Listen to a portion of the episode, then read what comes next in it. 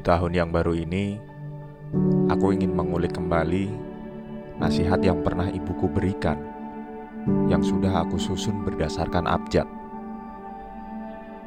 Huruf S, sehatlah, sebab sehat itu mahal harganya.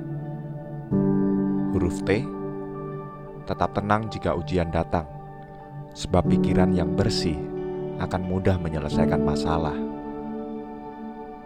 Huruf U, usia selalu bertambah. Jangan sia-siakan masa mudamu.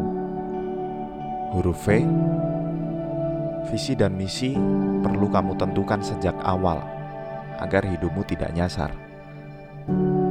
Huruf W, waktu tidak dapat kamu putar kembali. Huruf Y, yang terpenting bukan uang, tapi kebahagiaan. Seingatku, ibu tidak pernah membubuhkan huruf X dan Z pada nasihatnya.